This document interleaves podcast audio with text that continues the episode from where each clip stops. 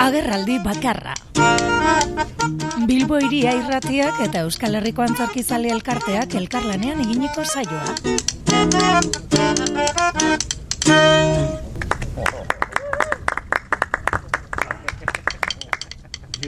Euskal Herriko antzarkizale elkartearen eskutik, ostiraletan, agerraldi bakarra izaten dugu. Gaurkoan Jaime Balberde batu zaigu eta Katalina Erauso pastoralaren inguruan hitz egingo dugu. Lehenik eta behin pastoralen inguruko zetasunak entzungo ditugu.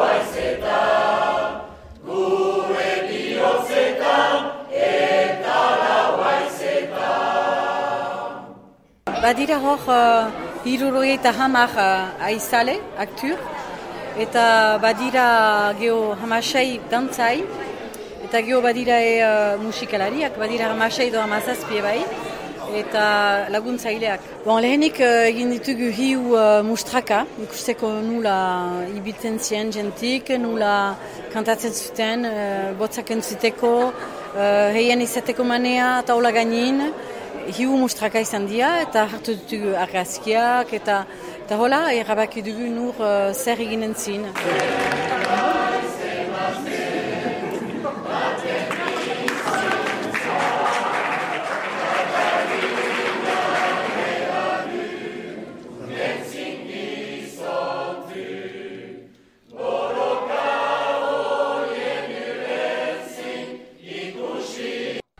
Libertateaz goxea bazuen. Zer eta hautatu du gizon arropetan bizitzea. Bere burua babesteko, nik ez zait iduri uh, orai erraiten dena uh, lesbienagatik, baina bere burua nahizien zaindu eta idurituzako gizonez bestitzea uh, bere burua salbatuko zuela. Bazuen nortasun azkar bat, bortitza, ez zuen onartzen uh, ordreak, uh, hierarchia, enfin, ala, aniz borrokatu da, ez bata aniz erabilidu, edo zen gauzaren zat, uh, erreskiat ateratzen zien bai. Eta borrokatu da ere, armak zituzten uh, milita militarekin hainiz, edo gizonekin hainiz.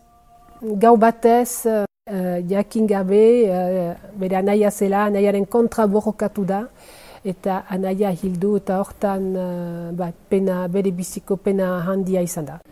Xantza handi bat izan dela, aldi batez, barku batetan zenean, uh, gehienak ito dira zen eta urperatu da barkua, baina haik bazaiken igerika eta salbatu da.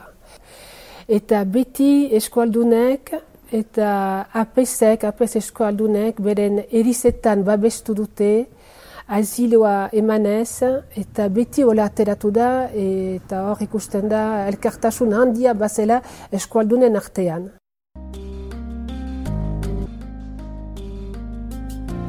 Entzun berri dugu Katalina Erauso pastolaleko ba, protagonisten hitzak, ez, sortzaileen hitzak eta hori izango da, ba datosen minutuetan e, mintzagai izango dugun gaia eta horretarako biru iria irratira, ba Jaime Balberde batu zaigu. Egun on Jaime. Apa, uno. Bueno, pastorala e, izango du mintzagai eta hain zuzen ere e, Katalina Erausonen pastorala. Berez ja, e, bera personajea ere ja miresgarria da, ez, bere bizitza eta dena. Bai, bai, bai, benetan, zinez, e, liruragarria da bere biografia eta bueno, e, pertsonaia gutxik izango dute horrelako biografia bat hain aproposa pastoral bat egiteko. Bai, bai, bizitza monja izan zela, bueno, e, monja soldadu, e, Euskal Herritik alde egin zuela, e, bataietan ibilitakoa, bai, oso aventura handia ematen du, ez? Bai, bai, berez ezaguna da izen horrekin, mm, la monja alferez, eta bueno, e, ba, urterekin konbentuan e, sartu zuten, e, beste hiru aizpekin, amabostekin nies egin zuen, mm gizonez jantzita, eta Ameriketara joan zen, Francisco Loyola izena hartuta. Bai, eta gizonezko bizitza egin zuen, eh? Sasoi hortan, mia sortzerun da pikuan, eh? Jarri gaitezen eh, garai hartan. Bai, bai, bai, eta esan daiteke oso, oso gizonezko bizitza egin zuela, ze, bueno, e, duelutan ibiltzen zen, espatarekin, soldadu, soldadu nahiko ona omen zen, eta, bueno, e, jokuan ere ibiltzen zen, e, emakumeekin izan zituen e, zenbait, bueno, afera, eta, bueno, denetarik, denetarik, e, badago pasarte bat gainera, oso, oso tragikoa dena, igual, e, Greziar e, trageditara eramaten gaituen, eta da, e, duelu batean e, tokatu zitzaion anaiarekin e, borrokatzea eta akabatu omen zuen e, Anaia? bai, bueno, neba Neba, mhm. bai, bai, kanu. bai, bai, izugarria Katalina erausoren bizitza, eta gainera, ba, aipatu dugu, ez, aventura moduko historia dela, Baina honen inguruan ere e, pertsonai honen buruz e, bueno, ba, eraman da oholtzara, pantailara, ez? E, egin dira sormen Bai. eskolanak edo, ez? Bere bigografiaren inguruan. Bai, bai, berez, e, fenomeno bitxia da, ze Euskalduna izan da, hemen oso gutxi jorratu da, e, gutxi hitz egin da berari buruz. E, Amaia Alvarezek e, artikulu batean kontatzen du, e, bueno, e, hemen eus, Euskaraz, e, bakarrik daudela lau obra. E, Euskaraz idatzitakoak. Bi e, badago antzeslan, antzeslan bat, e, Katalina Leizegirena, e, autobiografiaren egokitzapen bat, beste biografia divulgatzaile bat, eta pastoral hau. Eta e, bere datuaren arabera euneko bat da hori. Hau da, Katalina erauz hori buruz e, idatzi eta pel, e, pelikula, e, filmeren bat ere egin Bai, izan bai, da.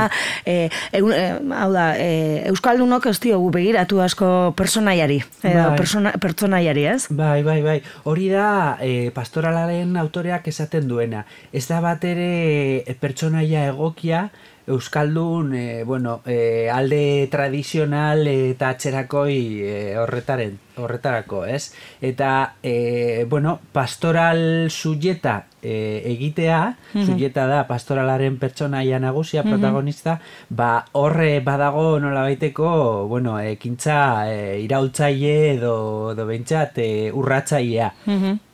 Aurrek urtean, ez? Oker espanabil, e, e, bueno, e, pre, prestatu eta estrenatu zuten e, Katalina erausoren inguruko pastorala. Emakumeak gainera protagonista. Bai, bai, bai, e, sorkuntza osoak dauka atzetik, bueno, atzetik eta horretik e, oso, bueno, e, aspektu, aspektu hori, ez? E, emakumeen e, genero, genero ikuspegia eta, e, bueno, performatibitate hori. Ze, kauza asko urratu dira. E, autoreak, e, ez dugu esan, e, maite berrogain, e, berak idatzita omen zeukan e, testua, baina e, badakizu pastoralak egiteko e, herriek aukeratzen dute testua. Baina e, testu hau etzuen e, dirudienez inork etzuen e, taulara eraman nahi. Orduan azkenean e, Donostia 2016ko proiektua zelata, ba horra akordioa eginda, eraman zute, baina e, ez, da, ez da egin e, esan dezagun bide tradizionaletatik, ez? Ez, ez du egin e, ba hori, herri zuberoako herri batek. Eta... Bai, bestelako ekoizpen bat izan da, ez? E, pastoralek badute bere e, bueno, berez, e, bere forma edo nola antolatzen diren, ez? E, beraz, e, Katalina Erausoren pastoralak ba, beste bide bat hartu du, ez? E, sortzerako orduan. Bai, hori da, hori da. Eta, bueno, e, esan beharra dago, e, hori, idazlea e, emakumea izan dela, baina baita erre, erreientzak e, emakumeak izan direla, maitena Lapeir, Pantxika Urruti, eta kantore zuzendariak ere izan dira emakumeak. Bez, Beraz, e, postu garrantzitsuetan, e, bueno, emakumeak dauzkagu pastoral honetan, ez bakarrik suiet moduan, baizik eta autoretasunean. Mhm. Interesgarria, ez? E, lehenengotariko aldia izango da pastoral bat, ez? E, horrela, horren beste emakumeen artean e, egiten dena, gaina Katalina e, pastorala puntu jarrita hor e, ba, interesarean ikus daiteke ez, e, bueno, ba, lantalde osoaren argazkia. Mhm, bai, bai, bai. Oso, oso esperientzia interesgarria izan da, eta ez bakarrik e, alde horretatik, gero emaitza mhm. oso, oso polita izan da. Nienaz e, pastoraletan aditua, e, horretarako, bueno, mm, e, nere eskuntza teatrala esan dezagun, mm. ba, bueno, normala da, ez, teatro e, hegemonikotik doa.